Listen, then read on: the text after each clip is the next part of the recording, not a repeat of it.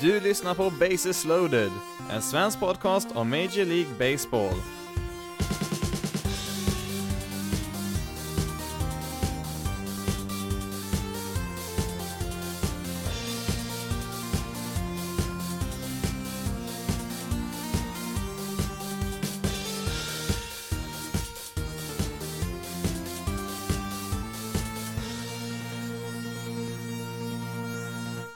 Hej och välkommen till veckans avsnitt av Bases loaded, en svensk podcast om Major League Baseball. I det här avsnittet så blir det lite uppdateringar från veckan som gick och så blir det lite extra fokus på National League Central, kolla lite grann på hur de lagen ligger till där nu i nuläget och ja, kolla lite grann vad de har draftat i draften som var här nu för ett litet tag sedan och eh, även eh, kolla vad de kan tänka sig att göra inför trade-deadlinen som är ungefär en månad bort. Sen så blir det ju som vanligt lite tv-tider där på slutet också. Vi börjar i Washington och deras eh, starting pitcher Max Scherzer som tränade på att lägga ner lite bands där dagen innan han skulle starta en match och ja, han stod väl lite nonchalant där och, och stötte iväg lite bollar där men eh, en av de här bollarna stötte han ju rätt upp i sitt ansikte där istället och eh, ja, han bröt ju näsan där som resultat. Nu fanns det väl inte ens på kartan att Scherzer skulle hoppa över sin start där, hur ont det än gjorde och ja, han kom ju där dagen efter med en helt fantastisk blåtira och ställde upp där mot Philadelphia Phillies.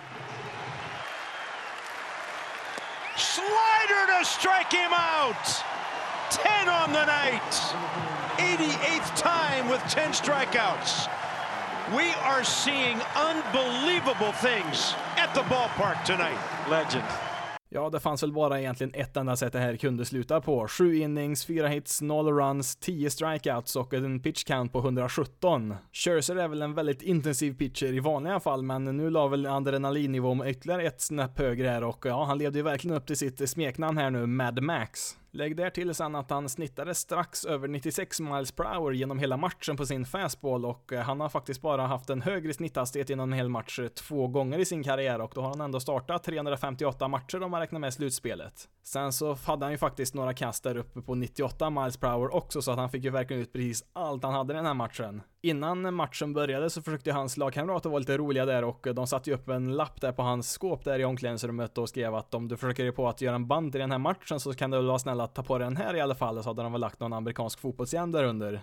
Visst, nu är väl kanske inte en bruten näsa den absolut värsta skadan en pitcher kan råka ut för, men det är ändå rätt imponerande att gå ut så här dagen efter och eh, kasta en sån här dominant match som han gjorde. Om inte annat så är det väldigt kul att se bilder och klipp från matchen för han, eh, ja som sagt, han ser helt förskräcklig ut. Det ser ut som han har kommit eh, direkt efter en vild utekväll med slagsmål liksom utan att ha sovit någonting hela natten och kommit direkt till matchen ungefär. Så att det, ja, det var en syn och skåda, absolut. Nationals vann ju den här matchen till slut med 2-0 och de har ju gått urstarkt här nu på sistone, har ju vunnit en massa matcher och eh, ja, deras resultat ser ju faktiskt rätt okej okay ut här, eller relativt i alla fall. De har ju snart lika mycket vinster som förluster här, har fortfarande någon förlust mer än vad de har vunnit, men det går ju verkligen åt rätt håll här och man är ju faktiskt bara två matcher bakom Phillies på andra platsen i divisionen just nu.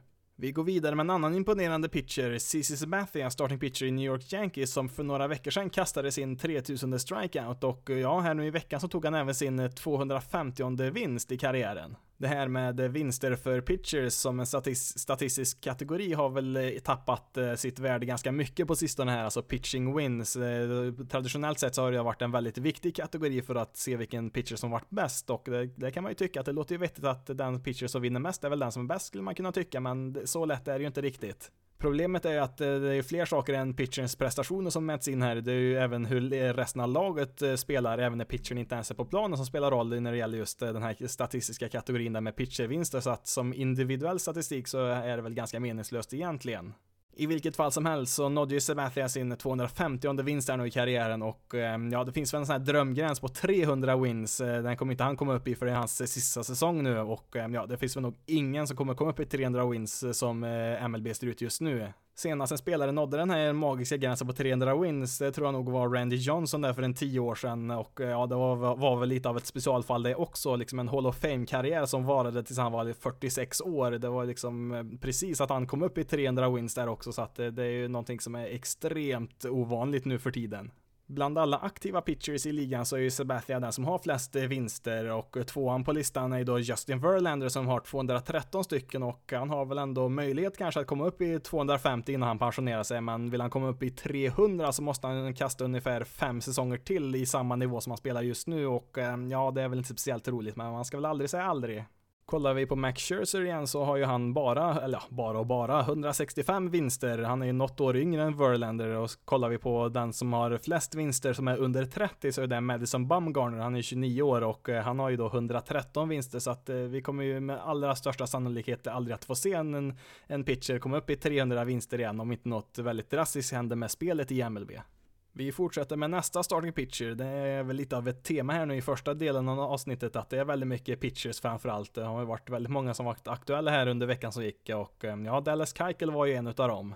Han skrev ju till slut på sitt eh, kontrakt eh, för ett par veckor sedan där efter att ha varit free agent sedan förra säsongen. Och efter att ha fått spela ett par matcher där i Atlanta Braves minor League-system så har han då kallats upp till MLB och gjort sin debut där. Matchen var ju då natten mot söndag mot eh, Washington Nationals och totalt så blev det då eh, 5 innings, 99 kast, 8 hits, eh, 3 stycken earn runs, 3 strikeouts och en förlust med 4-3. Kanske inga jätteimponerande siffror direkt så, men med tanke på omständigheterna, han har ju liksom inte spelat en enda match sedan oktober, så var väl inte det en helt dum första match på säsongen. Nu tillät han väl en hel del hits här nu i matchen, åtta stycken där och mm, ja, han är ju inte direkt någon strikeout pitcher med någon sån här enorm hastighet där så att eh, han tillåter ju faktiskt en hel del kontakt för motståndarna med bollen där men det ska oftast vara ganska dålig kontakt de får där att slå iväg eh, liksom helt värdelösa ground balls där som försvaret lätt ska kunna plocka upp men eh, det är ju inte alltid det funkar heller givetvis. Det blev ju också ganska tydligt när man kollar på radarn där vad han mätte upp för hastighet när han kastade, att det var ganska tidigt på säsongen för Keikel. Han eh, snittade i den här matchen eh, strax under 88 miles per hour på sin fastball. Det är faktiskt det lägsta snittet som han har i en match i sin karriär. Han eh, kastar ju som sagt inte speciellt hårt, men det brukar i alla fall ligga någonting, ja, någonting strax över 90 i alla fall när han kastar. Det kan ju vara värt att jämföra lite grann med Chris Sale som hade det väldigt tufft i början av den här säsongen. Och han kastade ju faktiskt bara två matcher i spring training innan säsongen drog igång där. Och det tog ju tag innan han eh, kom igång. Och ja, räknar man bort första månaden för honom så har ju Chris Sale faktiskt varit en av ligans bästa pitchers i år.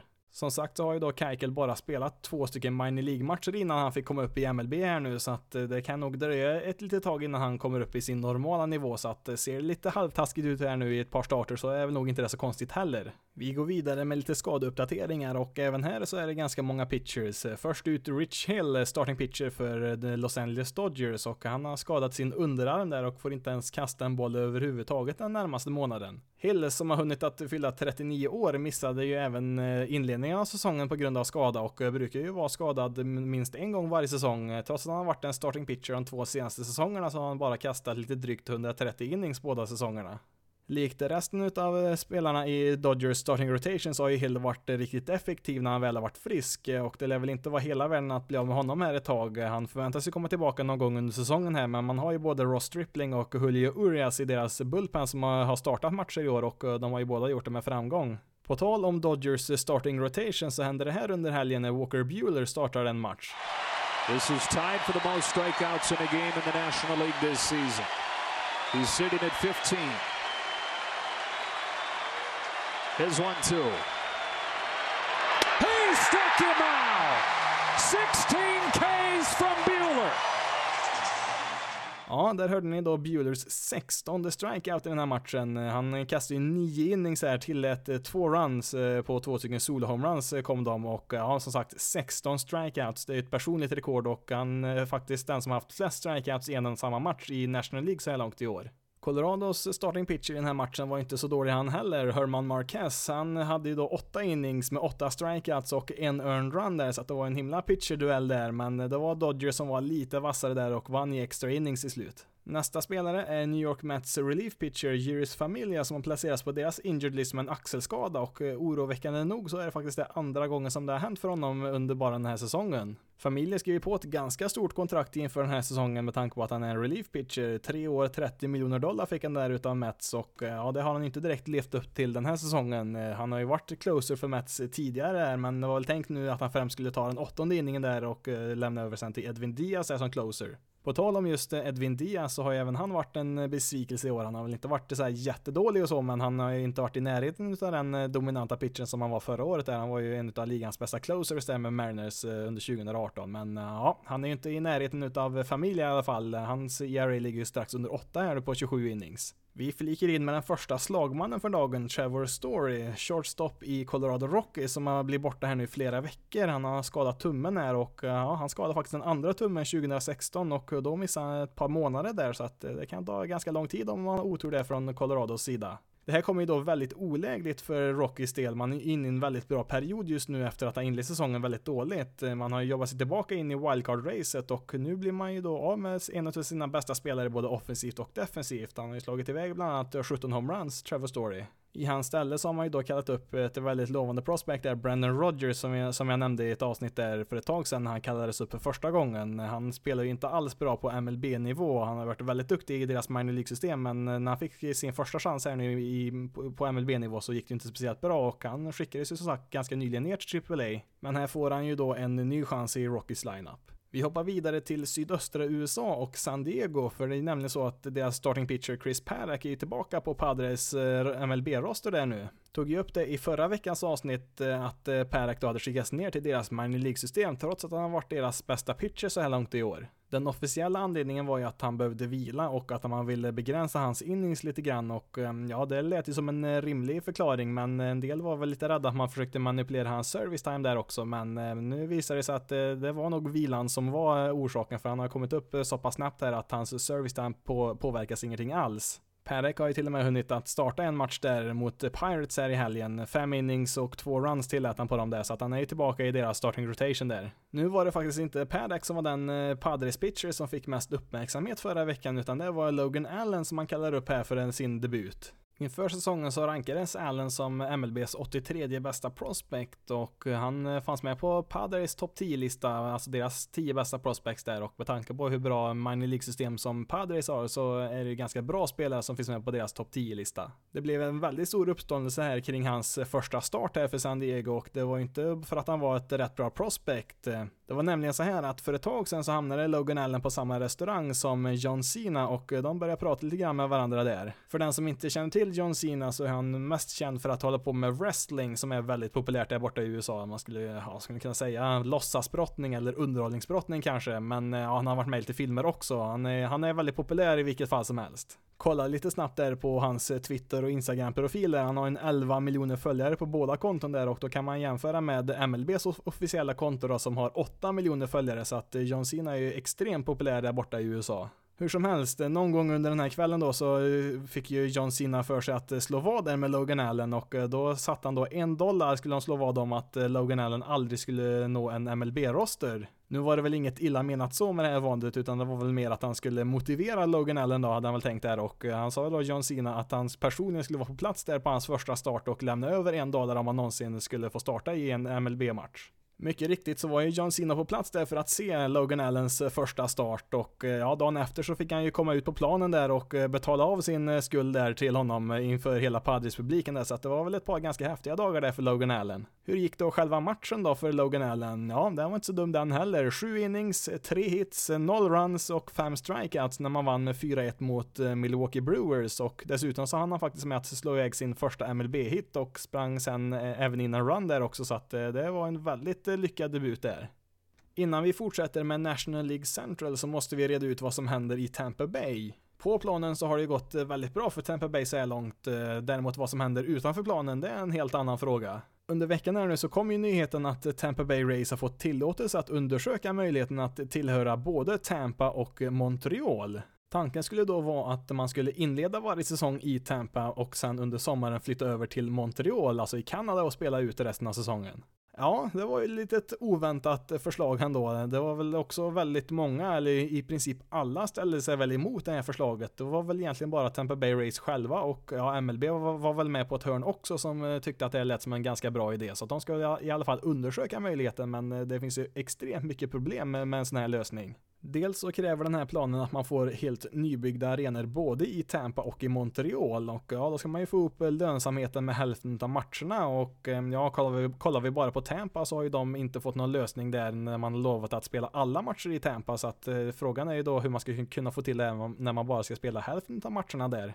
För spelarnas del så blir det ganska knepigt här. Man måste ju då ha två stycken olika boenden i två olika städer och eh, ja, eventuellt så så måste man ju flytta runt sin familj med husdjur och barn och allt vad det nu är kan vara och då ska man ju lösa situationen runt omkring alla dem där med skolor och läkare och allt vad det nu kan vara för någonting. Alternativt så kanske man då måste lämna sin familj flera månader om året beroende på vilken stad man spelar i just då och det är ju inte heller direkt optimalt. Sen så finns det ju också en fråga om publiken i Tampa är villig att gå på en matcher och stötta ett lag som kommer att försvinna liksom två eller tre månader in på säsongen där liksom. Hur ska, hur ska slutspelsmatcherna fördelas? Ska de bara spelas på ett ställe? Ska de spelas varannat år på varje ställe? Hur ska de göra där? Det är liksom, det finns nog mer frågor än vad det finns bra svar i alla fall i nuläget.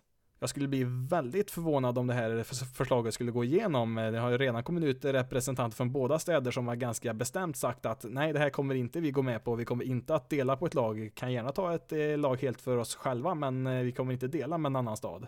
Mycket möjligt att det här är bara ett spel för gallerierna så att man vill visa utåt att man gör allt vad man kan för att hålla kvar laget där i Tampa men att man sen då flyttar det någon annanstans helt och hållet. Med det sagt så är man ju i ett stort behov utav att hitta en eh, bättre arenalösning för Tampa Bay Race. Eh, man har ju väldigt svårt att locka publik dit eh, även i år när man har ett framgångsrikt lag och man har väl kanske ligans sämsta arena som inte direkt lockar till sig så mycket folk och ja, den ligger väl ganska dumt också för det är faktiskt här man spelar tekniskt sett inte i staden Tampa utan den ligger faktiskt arenan i en intilliggande stad som heter St. Petersburg där och tydligen så går det väl någon bro mellan där som mellan de här städerna som är väldigt hårt trafikerad som gör att det tar väldigt lång tid att ta sig från Tampa till arenan. Det kanske största hindret just nu för att få en ny arena i Tampa, det är väl hur man ska finansiera det hela och eh, ja, Tampa Bay Race vill ju väldigt gärna att eh, staden Tampa ska gå in och betala det mesta när de bygger en ny arena. Den kan väl tänka sig att betala lite grann själva, men man vill väl som sagt att eh, staden ska betala det mesta där. Framförallt kanske på senare år där borta i USA så har man väl blivit mer och mer skeptiska till att använda flera hundra miljoner dollar utav skattepengar för att bygga nya fina sportarenor och ja, det, det förekommer väl fortfarande, men det blir ju mer och mer ovanligt och i Tampa så ser ser, man, ser det väl ut att vara ganska låst eh, när det gäller just den, den delen. Det finns ju faktiskt en del likheter mellan det som händer nu i Tampa och det som hände i Montreal för en 15 år sedan där när Montreal Expos eh, flyttades över till Washington där och blev Washington Nationals. Man hade ju ganska svårt där på slutet att eh, dra speciellt mycket publik till Montreals matcher och eh, man fick ju inte heller några skattepengar för att bygga en ny arena så att eh, det blev ju då en flytt till Washington istället. Den stora skillnaden är väl då kanske ägargruppen för Tampa Bay Race är ju en ganska välskött organisation och det kan man ju inte direkt säga om Montreal Expos, framförallt inte på slutet där kring millennieskiftet där så tog ju Jeff Laurie över som ägare där för Expos och ehm, ja, han eh, körde väl hela organisationen i botten där. Eh, nu var det väl inte så bra även innan han tog över där, men han tog väl bort eh, de små chanserna som fanns där för att laget skulle få vara kvar där i Montreal. Efter bara några enstaka år där så köptes Jeff Loria ut som ägare där för Expos och fick istället köpa in sig som ägare i Miami Marlins och eh, på vägen till Miami så tog han ju med sig i princip allt han kunde som inte satt fastskruvat i princip. Han tog med sig allt möjligt, alltså dokument, personal och ja, Montreal fick ju lösa det tomrummet eh, bäst själva tyckte han och eh, körde vidare där i Miami istället. Och som han körde vidare, för han körde ju även Miami Marlins organisation i botten där innan han sålde det laget för några år sedan här. Man kanske kan tycka att Montreal redan fått sin chans att eh, stötta ett lag i MLB och misslyckas med det, men det finns ju ändå lite förmildrande orsaker bakom där. Eh, för bara två år efter att eh, Loria försvann därifrån så flyttade sig Expos till Washington där, så att man fick väl inte någon större chans att återhämta sig där efter honom. Om vi då återgår till Tampa Bay Rays så har ju de ett avtal som säger att man måste spela i sin nuvarande arena till åtminstone 2027 och det skulle nog kosta väldigt mycket pengar för att bryta det kontraktet i förhand där, så att det kan dröja ett tag där innan man hittar en lösning. Det sägs ju att man skulle vilja expandera ligan från 30 till 32 lag, men det är först då efter man har löst eh, arenasituationen i Oakland och Tampa. I Oakland så har man ju faktiskt eh, kommit ganska nära här. Man är i slutskedet där utav en process där för att eh, komma överens om en, någon överenskommelse där med staden att få bygga en helt ny privatfinansierad arena där ganska centralt och det ser väl ut som att man ska kunna få det i land här nu. Man har försökt att bygga en ny arena där ganska länge i Oakland, men nu verkar det som att man är närmare än någonsin där i alla fall. I Tampa så är ju situationen som sagt långt ifrån löst och tyvärr så verkar det väl som att en flytt av laget blir mer och mer troligt för varje dag som går här. Bland de städer som nämns som ett alternativ för ett lag som skulle kunna flytta eller som en stad som får ett expansionslag så har ju då bland annat Montreals namn kommit upp och ja, även Vancouvers namn har väl dykt upp någon gång ibland sådär som ett kanadensiskt alternativ men eh, det är väl nog om, om ett lag hamnar i Kanada, ett ytterligare ett lag så är det väl nog i Montreal i första hand som det kommer att hända i. Kollar man istället söderut så har väl även Mexiko nämnts eh, ibland som ett alternativ och mm, ja, det beror väl lite grann på vilken stad man väljer. Exempelvis Mexico City skulle det bli ganska svårt för tycker man att eh, Coors Field, alltså Colorado Rockies hemmaarena, är extrem på den höga höjden som den ligger, mm, ja, då är Mexico City ännu värre för den, den staden ligger ju flera hundra meter högre än vad Denver gör så att det skulle bli ännu värre där. Men eh, ja, det finns andra städer där i Mexiko som skulle passa in som till exempel Monterey har ju också nämnts ibland. Om vi återgår till USA så har man väl kanske främst nämnt eh, Portland där på västkusten där kunde bli en rival där mot Seattle och även Las Vegas som har fått eh, lag i både NHL och NFL ganska nyligen där har man väl också nämnt som ett alternativ för MLB.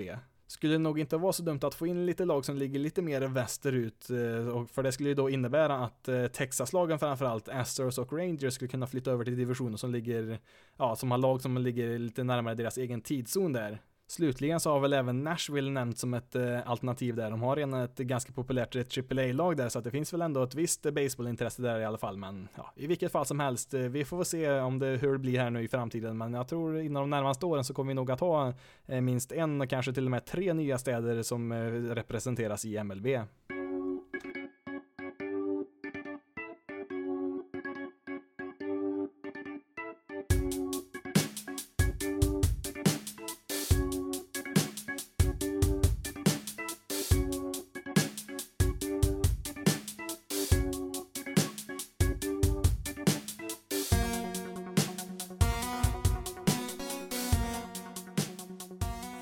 Ska vi kolla läget i veckans division som är National League Central och vi börjar med Pittsburgh Pirates. 35 vinster, 40 förluster så här långt, fem och en halv match bakom första platsen där i divisionen och eh, under veckan här nu så kommer man att spela mot Astros och Brewers först och främst. Den närmaste månaden så kommer Pirates bara att spela mot eh, lag som antingen ligger på slutspelsplats eller ligger strax bakom en slutspelsplats, så det kommer vara en riktigt tuff eh, period här nu för Pirates del. Även om Pirates eh, ligger sist i divisionen så är det väl ingen katastrof. Jämför man med de andra divisionerna så ligger ju de lagen som är sist en så här 20 matcher bakom första platsen men eh, Pirates är ju bara fem och en halv match bakom det så att det är ganska tätt i divisionen där än så länge.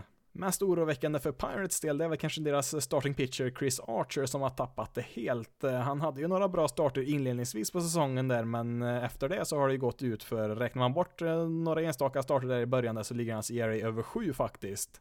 Archer verkar ju ha tappat sitt eh, självförtroende helt och hållet och stundtals har han jättesvårt att hitta strikezonen, tillåter nästan dubbelt så mycket walk som han har gjort tidigare i karriären och även hans tillåtna homeruns har ju fördubblats och eh, ja, framförallt hans homeruns har ju varit eh, ett väldigt stort problem och ehm, Ja, som sagt, tar du bort de där första tre, fyra starterna på året där så har han faktiskt eh, varit näst sämst i hela ligan när det gäller på att tillåta homeruns som starting pitcher och ehm, ja, han, han har tappat det helt här nu. Han, eh, man fick ju betala ganska mycket där till Tampa Bay Race när man tradade till honom förra året där man skickade iväg ganska många bra prospects där till Tampa och ehm, ja, man har ju inte direkt fått något speciellt mycket värde tillbaka här nu, i alla fall inte i år.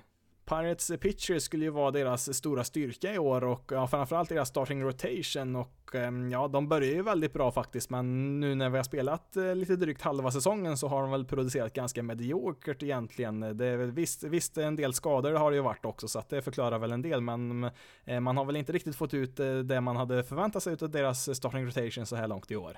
Jameson Tyon, en annan starting pitcher där, hade man ju väldigt stora förväntningar på inför säsongen där, att han skulle ta nästa steg här nu och eh, utvecklas till en av ligans bättre pitchers, men ehm, ja, han var väl helt okej okay där inledningsvis och sen blev han ju skadad där och ehm, ja, han har ju inte spelat sedan början av maj och eh, han har inte, han har inte ens fått kasta någon boll sedan dess, så att ehm, lite orolig är man nog eh, för honom där, för eh, ja, man har väl sagt att det går väl framåt i hans rehabprocess där, men eh, man har väl också nämnt att det är inte helt omöjligt att, att det blir en operation där i armbågen som man har problem med och ja, armbågar och operationer är inte någon speciellt bra kombination. Han hade ju faktiskt en Tommy John operation 2014 där, så han har ju en historia med skador i armbågen sedan tidigare.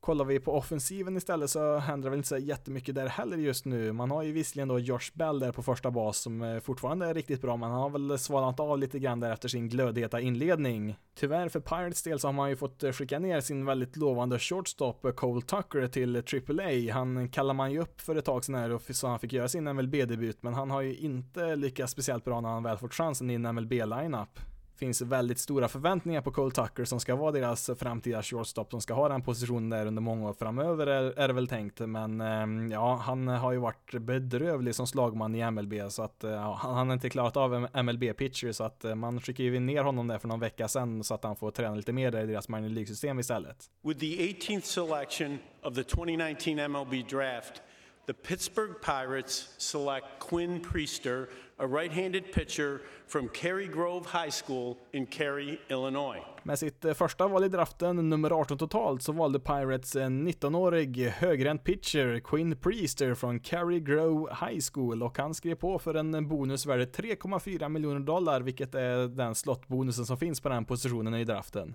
Priester är faktiskt den första high school pitchen som valdes i den här draften och eh, han har en eh, ganska bra fastball som har klockats upp mot eh, 97 miles per hour emellanåt men han brukar snitta betydligt lägre än så och han har även en ganska bra curveball i nuläget. Hans changeup skulle vara helt okej, okay, men han behöver framförallt hitta mer regelbunden hastighet i sin fastball där på lite högre nivå för så att han ska kunna separera de två kasten lite mer där. Ganska intressant val här för Pirates. Han har ett väldigt högt tak, eh, Priester. Han är till stor del självlärd när det gäller det här med pitching och har bland annat eh, fått sitta själv och studera YouTube-klipp på, på MLB pitchers så att eh, vem vet hur långt han kan gå om han får lite professionell hjälp här nu också.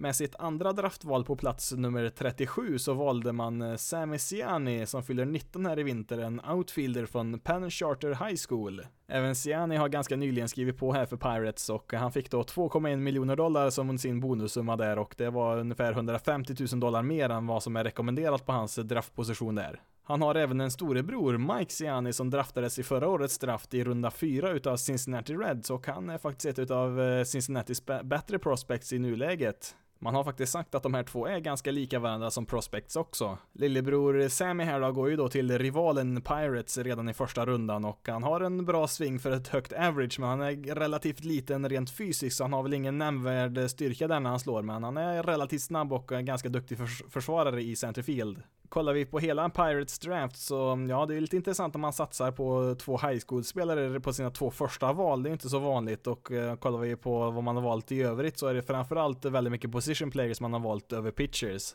Om vi istället blickar mot trademarknaden för Pirates del så är det väl inte helt klart hur man tänker än så länge. Man ligger ju visserligen sist i divisionen men som vi nämnde så är man ju inte så jättelångt efter eh, divisionsledaren där och man har väl ändå chans eh, fortfarande eh, även på en wildcard-plats kanske så att man är ju inte helt borta ur racet än så länge om man skulle välja att försöka förbättra laget så tror jag nog man skulle behöva få in någon ganska etablerad spelare, inte bara försöka värva in lite marginella uppgraderingar, för om man kollar på deras starting rotation där man kanske skulle behöva lite förstärkning i nuläget så har man ju en del hyfsade spelare där så att en hyfsad starting pitcher till det gör väl nog inte så jättemycket så man skulle nog behöva få in en lite bättre spelare i så fall.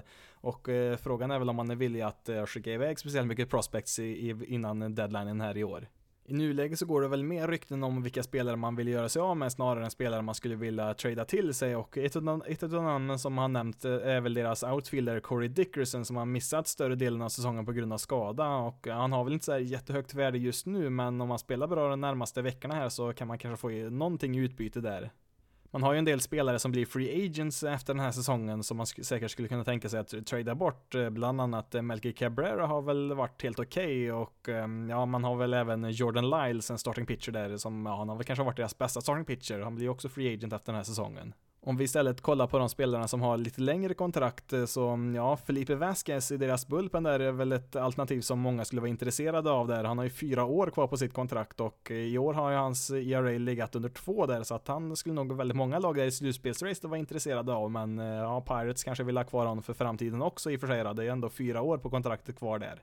Även Starling Marte där har ju två år kvar på sitt kontrakt, eh, har 24 miljoner dollar kvar där på de två åren totalt. Ehm, ja, och eh, han skulle nog eh, gå in i ganska många lag där. Ehm, han skulle man nog kunna få ganska bra prospects tillbaka för. Det finns ju inte så jättemånga centerfielder som är till salu och ehm, ja, han är ett ganska bra alternativ där om någon skulle vilja ha det. Och ja, någon outfielder lär ju försvinna från Pirates för de har ganska många i nuläget där så att någon behöver de nog göra sig av med här. Vi går vidare med Chicago Cubs som eh, leder divisionen med 41 vinster, 35 förluster, i och för sig bara en halv match för Milwaukee Brewers, men man ligger i alla fall på första platsen här nu när jag spelar in. Under veckan så har man Braves och Reds på sitt spelschema. Against the Mets. Strike three called, one away. That is a milestone. Second strikeout tonight. Career punch out 2,500 for Cole Hamels. He is the 10th left-hander all time to get to 2,500. And a nice ovation for Hamels. Yeah. Both uh, in the stands and in the dugouts, both dugouts.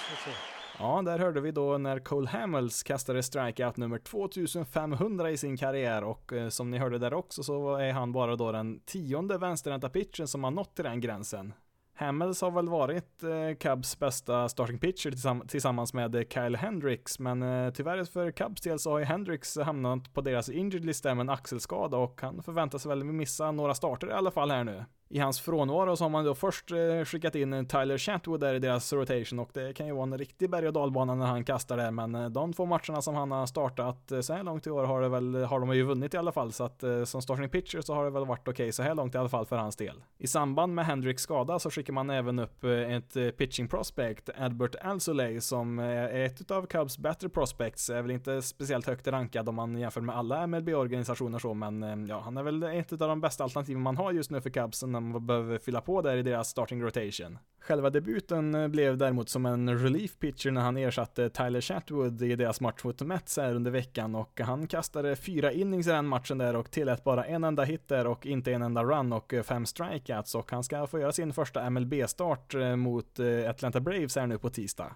Innan vi ska gå in på vad man har draftat och vad man kan tänka sig göra på trademarknaden så tänkte jag att vi ska gå tillbaka till sommaren 2017 eh, när Cubs var i ett behov av ytterligare en bra starting pitcher där och man hittade faktiskt den lösningen i sin egen hemstad där när man eh, tradade till sig Jose Quintana. Nu har väl Quintana kanske inte varit något direkt ace eller så, han har väl varit helt okej okay och stundtals ganska bra. Det har väl svajat lite ibland också, men framförallt så hade han ju ett eh, relativt billigt kontrakt som först går ut 2020. Han kom ju då från Chicago White Sox som i utbyte fick eh, fyra spelare från Cubs, eh, varav en av dem var Dylan Cease, en väldigt lovande pitcher som eh, kanske vi får se göra MLB-debut senare i år. Man fick ju även med Eloy Jimenez i den här traden från Cubs och ja, inför den här säsongen så rankades han ju som MLBs tredje bästa prospect och ja, han har väl spelat helt okej okay i sin rookie-säsong, det har han väl gjort. Inget märkvärdigt så har han väl presterat, men helt okej okay ändå. White Sox och Cubs eh, spelade en matchserie mot varandra förra veckan här och ehm, ja, så här lät det när Eloy gjorde sin eh, första match där på Wrigley Field. There's the go-ahead run, standing at first base. Jimenez in the air, left field. He's your hero tonight. Welcome to Wrigley. He cracked the bat on that swing and still drove it out of the park. The bat shattered in his hands. Thanks Cubs! Ja, det där var ju dessutom i den nionde inningen i den här matchen vid ställningen 1-1 där, så slog han iväg då en eh, two-run homerun där, Eloy Jimenez. Visst är det alltid lätt att vara efterklok och eh, det kommer även dröja många år innan vi vet eh, hur Eloy Jimenez och Dylan Cis karriär kommer att utvecklas, men frågan är om man inte heller hade sett att de varit kvar i Cubs organisation där från fansens sida. With the 27th selection of the 2019 MLB draft the Chicago Cubs select Ryan Jensen, a right-handed pitcher from Fresno State University. Med sitt eh, första draftval på plats nummer 27 så valde då Chicago Cubs eh, Ryan Jensen eh, som fyllde 22 här nu i vinter, en högerhänt pitcher från Fresno State och han har skrivit på sitt kontrakt där värt 2 miljoner dollar fick han på sin bonus där och det är då ungefär 500 000 dollar under den rekommenderade bonusen på den draftpositionen. Jensen har en fantastiskt bra fastball som snittar någonstans mellan 94 och 98 miles per hour redan nu och han har eh, kommit upp i 99 också någon gång under årets säsong här. Tyvärr så har han inte någon annan bra pitch i nuläget och ja, han har väl en skaplig slider och changeup men han måste få ordning på någon av de två, helst båda där om han ska kunna hålla som en starter i MLB. Jensen inledde sin karriär på college eh, som en relief pitcher men sadlade om till en starting pitcher då förra året och han har väl gjort det bra där på college-nivå i år men många tror nog att han kommer att hamna i en bullpen i slutändan. Jensen har väl dessutom en tendens att vara ganska vild när han kastar och ja, han har väl svårt att hitta strikezonen stundtals där kan hamna bollar lite här och där men eh, ja, han lär väl få chansen till en början i alla fall att etablera sig som en starting pitcher men det finns väl ändå som sagt en ganska stor chans att han blir en relief pitcher i framtiden. För övrigt ett ganska oväntat val. Eh, han rankades inte så här högt eh, inför eh, draften på någon lista egentligen, utan han placerades väl kanske lite mer i, i kanske runda tre istället, men Cubs hittade något de verkligen gillar här, verkar det som.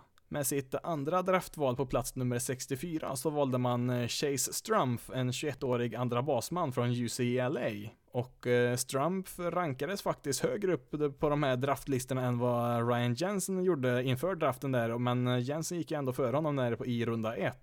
Främst ett offensivt vapen med ett riktigt bra hit-tool, alltså förmåga att bra, slå för ett bra average och det finns väl även lite styrka där i svingen, eh, även om det inte är något speciellt så. Det lär väl inte bli något 30-40 homeruns så direkt, men eh, även ändå en väldigt bra slagman. En tidigare shortstop som inte riktigt klarade av den positionen och fick istället flytta över till andra bas, men fortfarande ganska begränsad räck räckvidd även på den positionen och ingen vidare arm att kasta med heller, så att han är lite begränsad defensivt. Med det sagt så lär han väl klara av alla rutinspelen där på andra bas, men han lär väl inte göra något spektakulärt så heller, men det är väl främst offensiven där man eh, draftar honom för det. Det ska vara tillräckligt bra där som slagman för att eh, kunna vara ordinarie på den positionen även i MLB.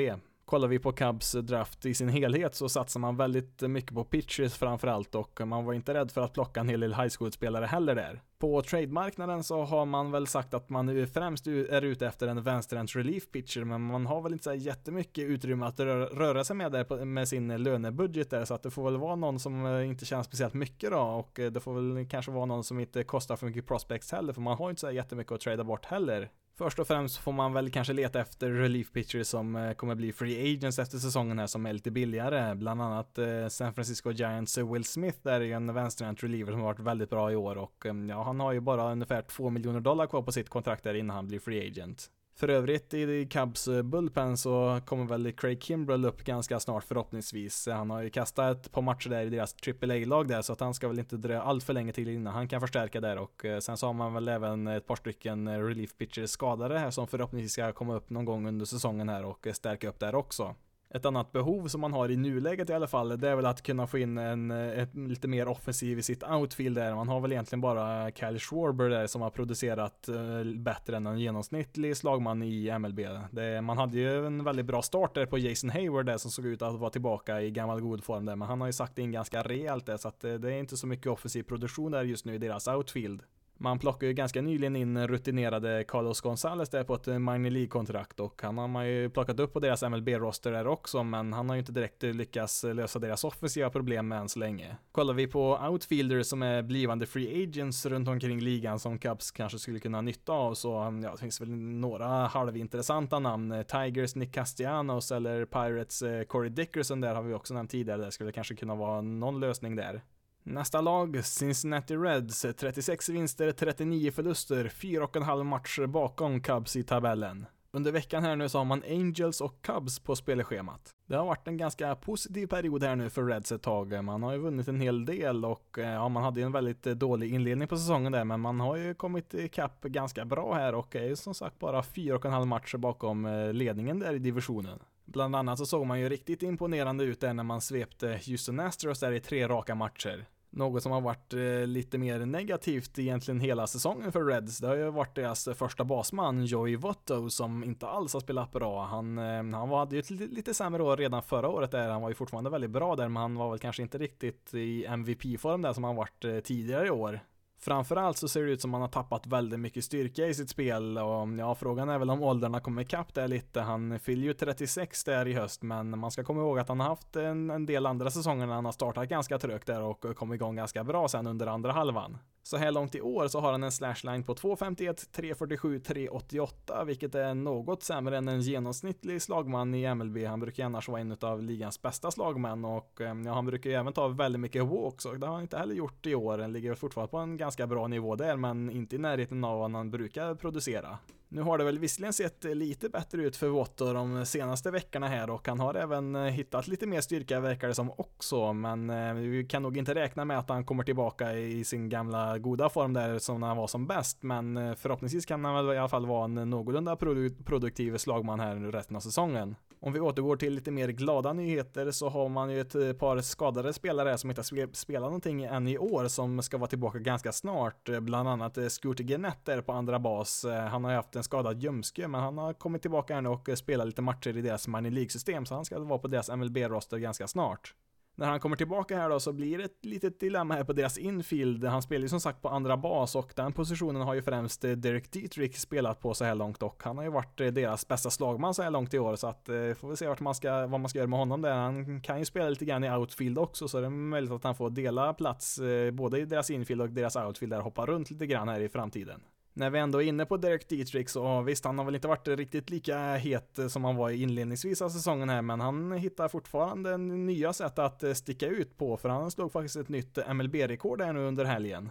Han blev nämligen träffad utav inte mindre än sex stycken hit by pitch där på tre matcher och det är faktiskt ett rekord i en och samma matchserie där man möter Milwaukee Brewers där och då har man ändå en match kvar här under söndagskvällen eh, när jag spelar in här så att han kan ju fortfarande utöka det här rekordet där.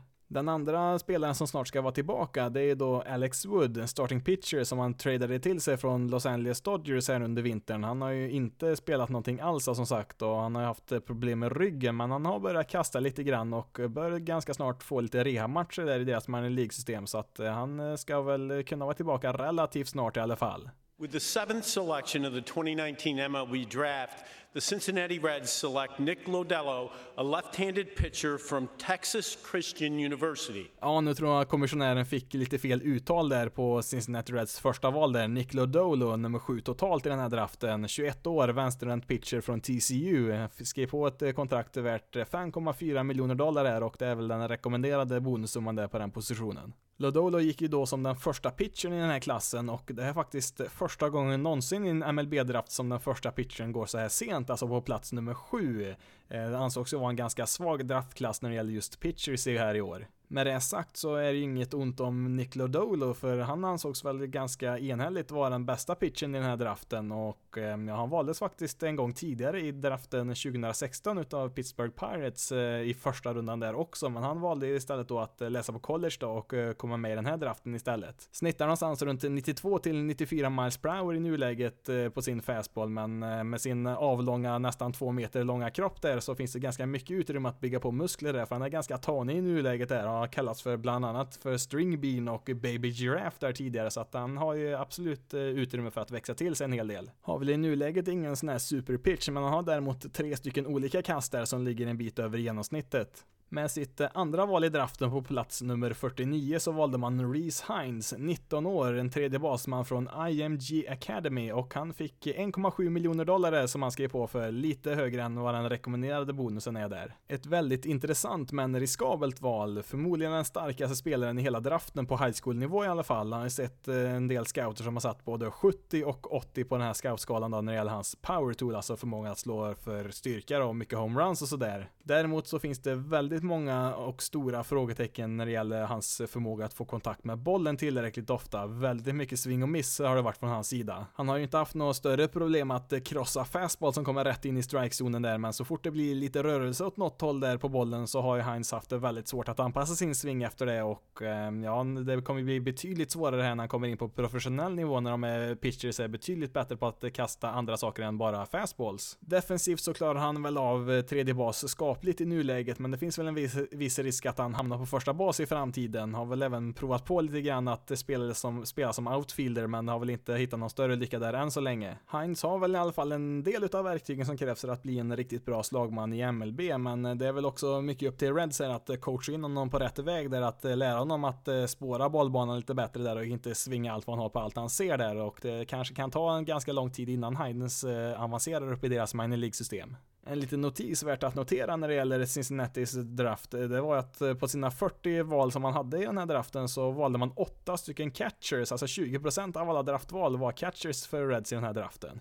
När det gäller trademarknaden så sitter man väl lite grann i samma sitt som Pirates där och kanske inte riktigt har bestämt sig än hur man ska göra. Det finns väl även en viss möjlighet att man gör lite både och, att man tradar vissa spelare och försöker förbättra laget på andra sätt också här och man eh, satsar väl kanske lite mer i framtiden egentligen, men man eh, ligger inte så här jättelångt efter en slutspelsplats så att man behöver inte ge upp helt och hållet heller. Om man ska förstärka så behöver man framförallt hjälp i deras outfield där och få in en offensiv spelare där, för man har inte fått speciellt mycket produktion där än så länge i år. Eh, man gick ju även ut för några dagar sedan här och sa att man är ute efter en slagman med flera år utav kontroll, alltså en spelare som inte blir free agent på flera år. Ett väldigt intressant och aktuellt namn blir ju då Clint Frazier, en outfielder i Yankees som har haft en väldigt bra offensiv säsong där för dem och eh, ja, nu fick inte han plats där i deras lag ändå när Stanton och Judge kom tillbaka från skador där och han skickades ju faktiskt ner här till AAA ganska nyligen. Frazier blir ju free agent först eh, 2024 så att han skulle ju verkligen passa in där på deras behov. Om man istället väljer att eh, trada bort spelare så lär man väl först och främst fokusera på blivande free agents, bland annat Yasiel Puig har väl i och för sig inte spelat speciellt bra, man kanske kan få någonting för honom där och eh, Alex Wood och Scooty Gennett eh, som vi nämnde tidigare då har man ju inte spelat någonting alls i år men de ska väl vara tillbaka i spel ganska snart så att eh, det finns väl möjlighet att få iväg dem också. Även deras shortstop Jose Iglesias blir free agent här nu efter säsongen och ja, han är ju en traditionellt sett väldigt duktigt defensiv men han har ju varit oväntat bra även som slagman i år. Kollar vi på lite pitchers här så Tanner Rourke har ju varit överraskande bra där i deras starting rotation och han är väl också free agent efter säsongen här och eh, sen har man ju även eh, Raziel Iglesias där i deras bullpen som har kontrakt till 2021 där som skulle kanske vara intressant för en del eh, lag där som vill ha en, eh, en, en reliever med flera år utav kontroll. Men i och för sig så har väl kanske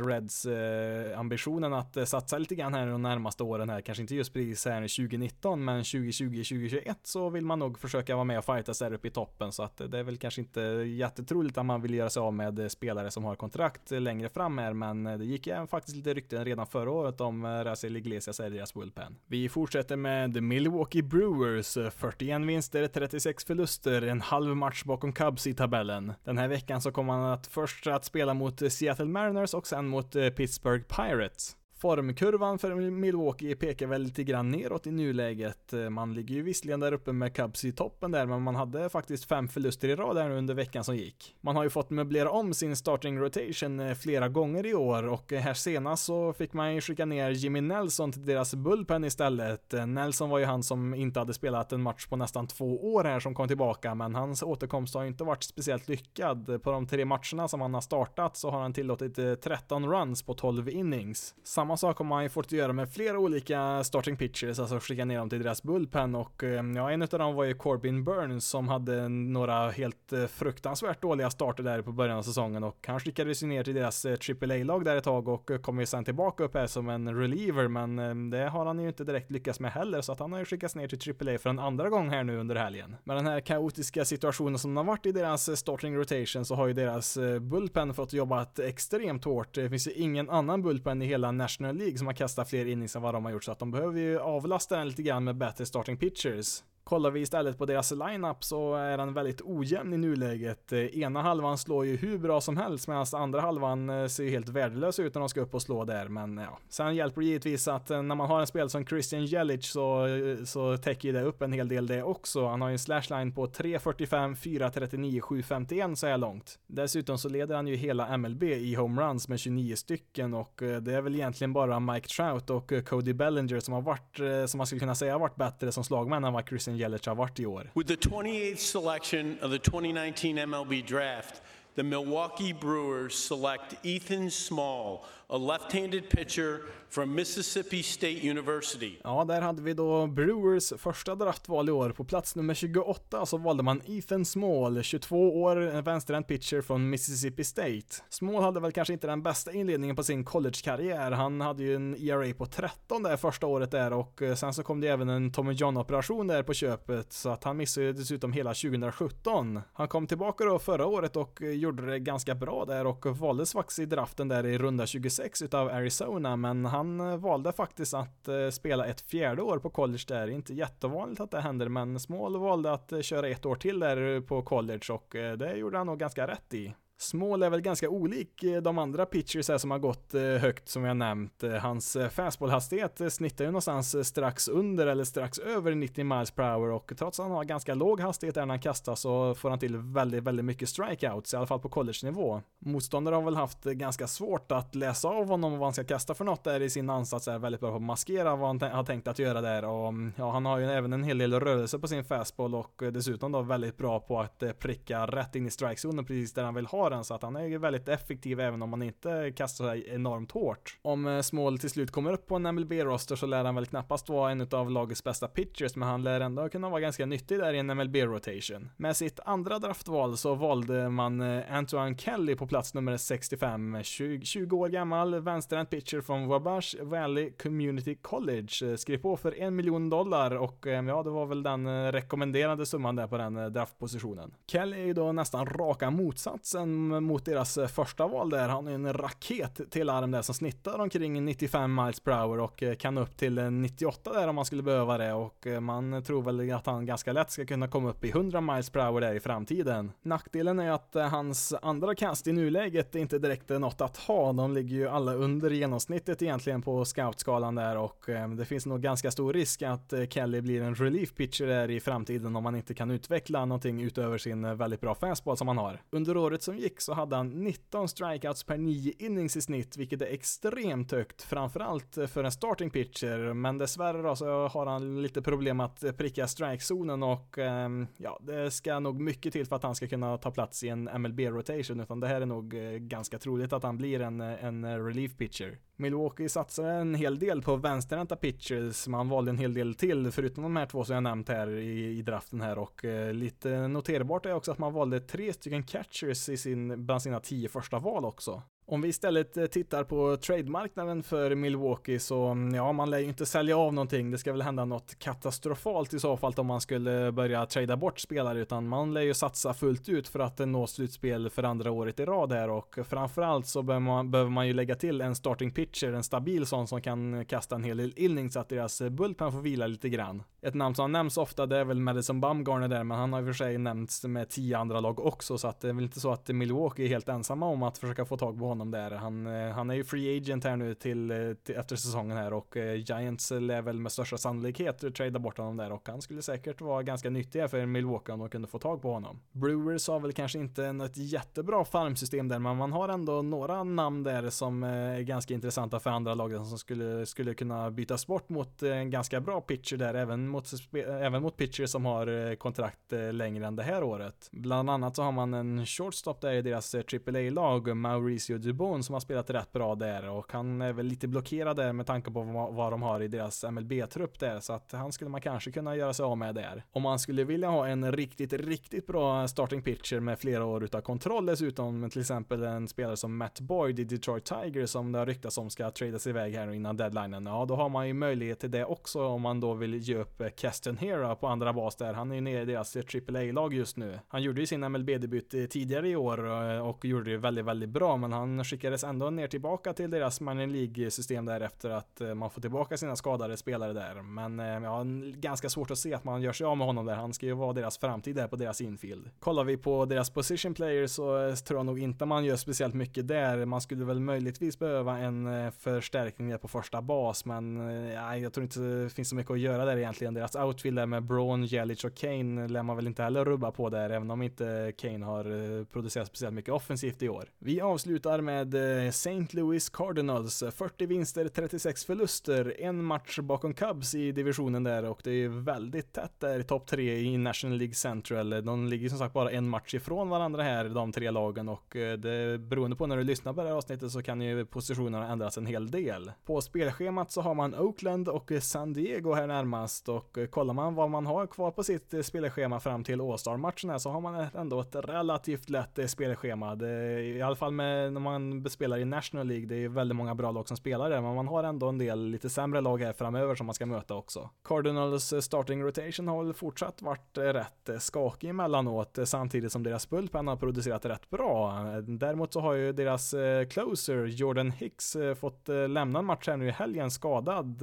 Han fick något problem där med sin tricepsmuskel där, har inte hört någon uppdatering än, men förhoppningsvis ska väl inte han bli borta allt för länge, för han är ju en ganska viktig del utav deras bullpen där. Om vi går tillbaka till deras rotation så har det väl inte varit eh, liksom någon katastrof eller så, men det har varit ganska, ganska medelmåttligt. Det har inte varit några jätteprestationer där. Det är väl egentligen Michael Waka där som har varit ganska dålig, men eh, i övrigt så är det väl lite si och så med prestationerna där. Det är väl Dakota Hudson där har väl varit rätt bra på slutet där, men man behöver ju få ut, ut lite mer där om man ska gå långt i år. Om vi istället fokuserar på lite roliga händelser i St. Louis så har det ändå hänt ett par ganska intressanta saker här. Först hade vi då Rang Angel Ravelo som gjorde debut efter att spenderat 10 år i minor leagues och spelat över 800 matcher där. Han draftades redan 2010 utav Chicago White Sox och um, han har de senaste åren då spelat i Oakland och St. Louis organisation då i deras AAA-lag och uh, har haft uh, ganska bra siffror där, framförallt de senaste två åren. Nu blev det visserligen ett ganska kort inhopp här, fyra matcher uh, med sju plate appearances med en hit och en walk han har med där innan han skickades ner till AAA igen, men han fick ändå en ganska stor ovation där från publiken där när han skulle göra sitt eh, första at-bat. Men eh, det var ju långt ifrån den största ovationen som delades ut eh, på Bush Stadium under veckan. Batting fifth, number five, first baseman, Albert Pujols.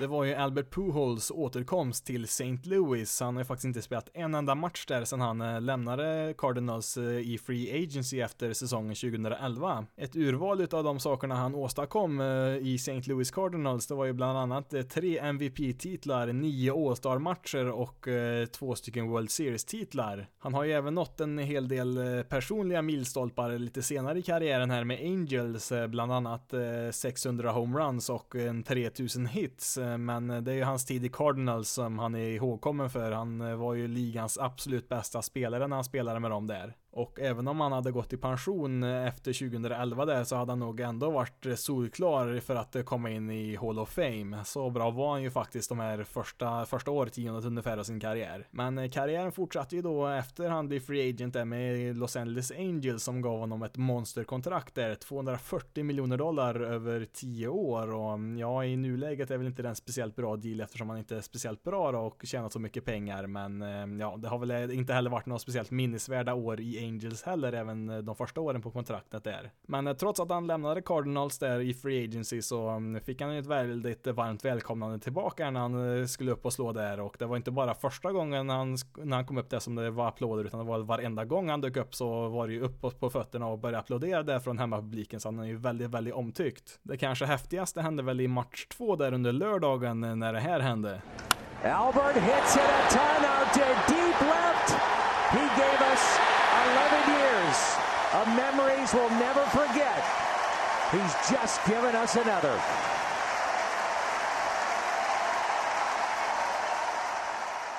Det är ju inte direkt varje match som vi får se en bortaspelare få jubel och applåder efter en homerun och eh, det var inte direkt så att matchen var helt avgjord här heller. Cardinals ledde ju visserligen med 4-0 här i sjunde inningen när det här hände, men eh, ja, det spelar inte så stor roll för Cardinals publiken som fick en sista homerun här. Får vi se, kanske hinner bli en till här under söndagen här när jag spelar in kanske också, men eh, det var väl ändå ett bra avslut i alla fall för Pujols i St. Louis. With the 19th selection of the 2019 MLB draft, the St. Louis Cardinals select Zach Thompson, a left handed pitcher from the University of Kentucky. Cardinals eh, första val i årets draft eh, på plats nummer 19, Zach Thompson, 22 år, vänsterhänt pitcher från Kentucky, skrev på för 3 miljoner dollar, vilket var 500 000 dollar under det rekommenderade värdet där på den positionen. Om man bara kollar på rå talang så hör väl kanske Thompson egentligen hemma i topp 10 i den här draften, men han har också en ganska lång skadehistoria där som en del är lite rädda för. Han eh, var ju med i draften även 2016 där och han följer ganska långt ner där eftersom det fanns lite oro kring hans axel där och valdes först i runda 11 utav Tampa Bay, Tampa Bay Rays. Han var faktiskt ganska nära på att skriva på där för Tampa Bay, men efter en läkarundersökning där så hittade man väl något som man inte tyckte om där och drog tillbaka kontraktet där så att eh, han fick ju fortsätta spela på college och eh, ja, även där så eh, missade han ett par månader med en, bland annat en armbågsskada så att man är väl lite oroliga för, för hans skador där ifrån MLB-lagens sida. Det som är så lockande med Thompson, det är ju dels att han är en vänsterhänt pitcher, men framförallt att han bemästrar fyra olika typer av kast och är väldigt bra på alla fyra. Och han, dessutom så har han producerat det på sistone på väldigt hög nivå mot väldigt bra college-motståndare. I nuläget så snittar han någonstans strax över 90 miles per hour när han kastar på sin fastball där, men han har visat att han kan kasta upp mot 96 där om han behöver det också. Med sitt andra draftval på plats nummer 58 så valde Cardinals Trajan Fletcher, en 18-årig outfielder från Deering High School och eh, han skrev på för 1 4,5 miljoner dollar, vilket var ungefär 300 000 dollar mer än vad som är rekommenderat på den platsen där. Fletcher har faktiskt även en eh, bra fastball som snittar över 90 miles per hour, men med största sannolikhet så kommer han att eh, satsa helt och hållet på att vara en slagman. Har ju då inte helt oväntat ganska bra med styrka i svingen där, men har stundtals svårt att få kontakt med bollen. Sen så har han ju då som sagt en stark arm och en bra snabbhet som gör att han borde kunna klara av centerfield ganska bra där som försvarare och ehm, ja, han är väl ganska oslipad i nuläget, men om Cardinals kan utveckla hans egenskaper där så finns det ju möjlighet att eh, producera en centerfielder som kan eh, ta en hel del stolen bases och slå iväg en hel del homeruns också. Kollar vi på trademarknaden så har ju, ja, Cardinals säsong har ju varit ganska upp och ner så här långt, men har väldigt svårt att se att man ska börja sälja av spelare. Det är väl bara om man skulle krascha totalt här nu den närmaste månaden och förlora massa matcher som man skulle kunna göra det, men man har ju ganska stor press på sig att gå till slutspelet så man missat det de senaste åren här. På deras infield lär det väl inte bli några större förändringar där, där är man väl ganska låsta. Det är väl kanske någonting i deras outfield man skulle kunna göra där, har väl inte varit jättedåligt så, men det finns väl um, utrymme för förbättring där också. Harrison Bader, deras centerfielder, har väl haft det ganska tufft offensivt där så att eh, skulle man hitta en, en bättre lösning där så visst, varför inte? Troligast är väl att man i första hand satsar på en starting pitcher och ehm, ja, som vanligt, Madison Bumgarner har väl nämnts till varenda lag som behöver en starting pitcher, men sen finns det även lite andra alternativ. Zach Wheeler i New York Mets eh, är ju free agent efter den här säsongen och eh, väljer Mets att börja sälja av så är han säkert tillgänglig. Sen så har även divisionsrivalen där i Cincinnati, Tanner Rourke och Alex Wood, där skulle man kanske också kunna chansa på om man vill få in lite förstärkning där.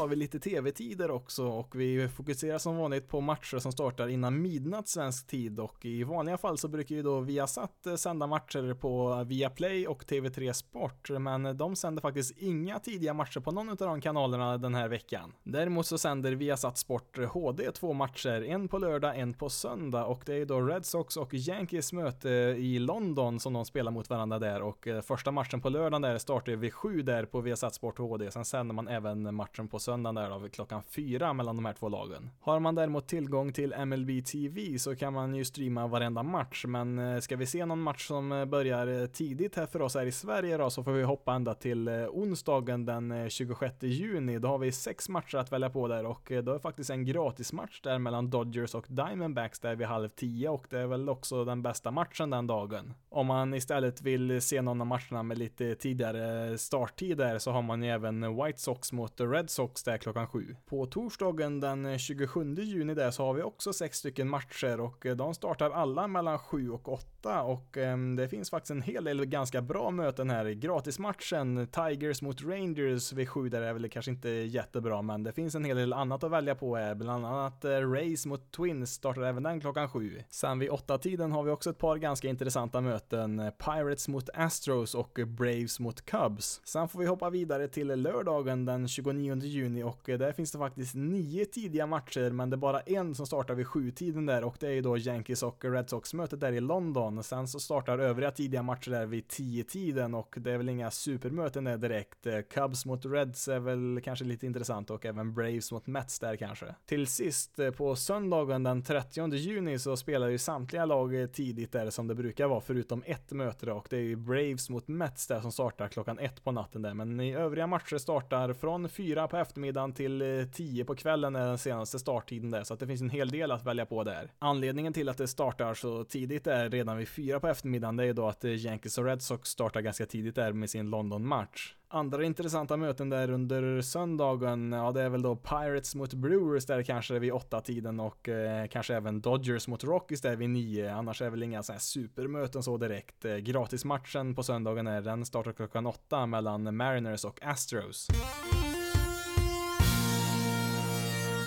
Ja, det får nog räcka där för veckans avsnitt. Jag har faktiskt en hel del till jag gärna hade velat ta upp i det här avsnittet, men eh, det har gått över en timme här nu så att eh, det får helt enkelt räcka här i det här avsnittet. Istället så tänkte jag att eh, jag samlar ihop de sakerna som inte fick plats i avsnittet här och eh, publicerar dem i en artikel där på hemsidan, basisloaded.se. Ska väl få upp den någon gång under måndagen där, samma dag som det här avsnittet kommer upp på. Kanske inte direkt på morgonen när avsnittet kommer men någon gång under dagen där ska jag förhoppningsvis eh, få upp den här artikeln då, Alltså måndagen den 24 juni. Hade väl tänkt med just hemsidan där att det ska bli lite mer aktivt här nu närmaste tiden och ha som mål att få ut en två, tre artiklar där per vecka som ett komplement till podcasten där allting passar Passar ju inte i podcastformat så att eh, det finns ju en hel del man kan eh, publicera där istället i textform. Så man kan ju ha lite utkik där om man vill ha lite mer bevakning om MLB på svenska. Adressen var ju som sagt basisloaded.se. Om du vill följa Basisloaded på sociala medier så kan du göra det på Twitter, Facebook och Instagram. Då letar du upp basisloaded.se du kan även mejla till basisloaded.se gmail.com. Men nu har jag pratat tillräckligt för idag. Mitt namn är Jonathan Fabri och jag är jättetacksam för att du har lyssnat på det här avsnittet av Basis Loaded. Ni får ha det så bra där ute så hörs vi nästa veckas avsnitt.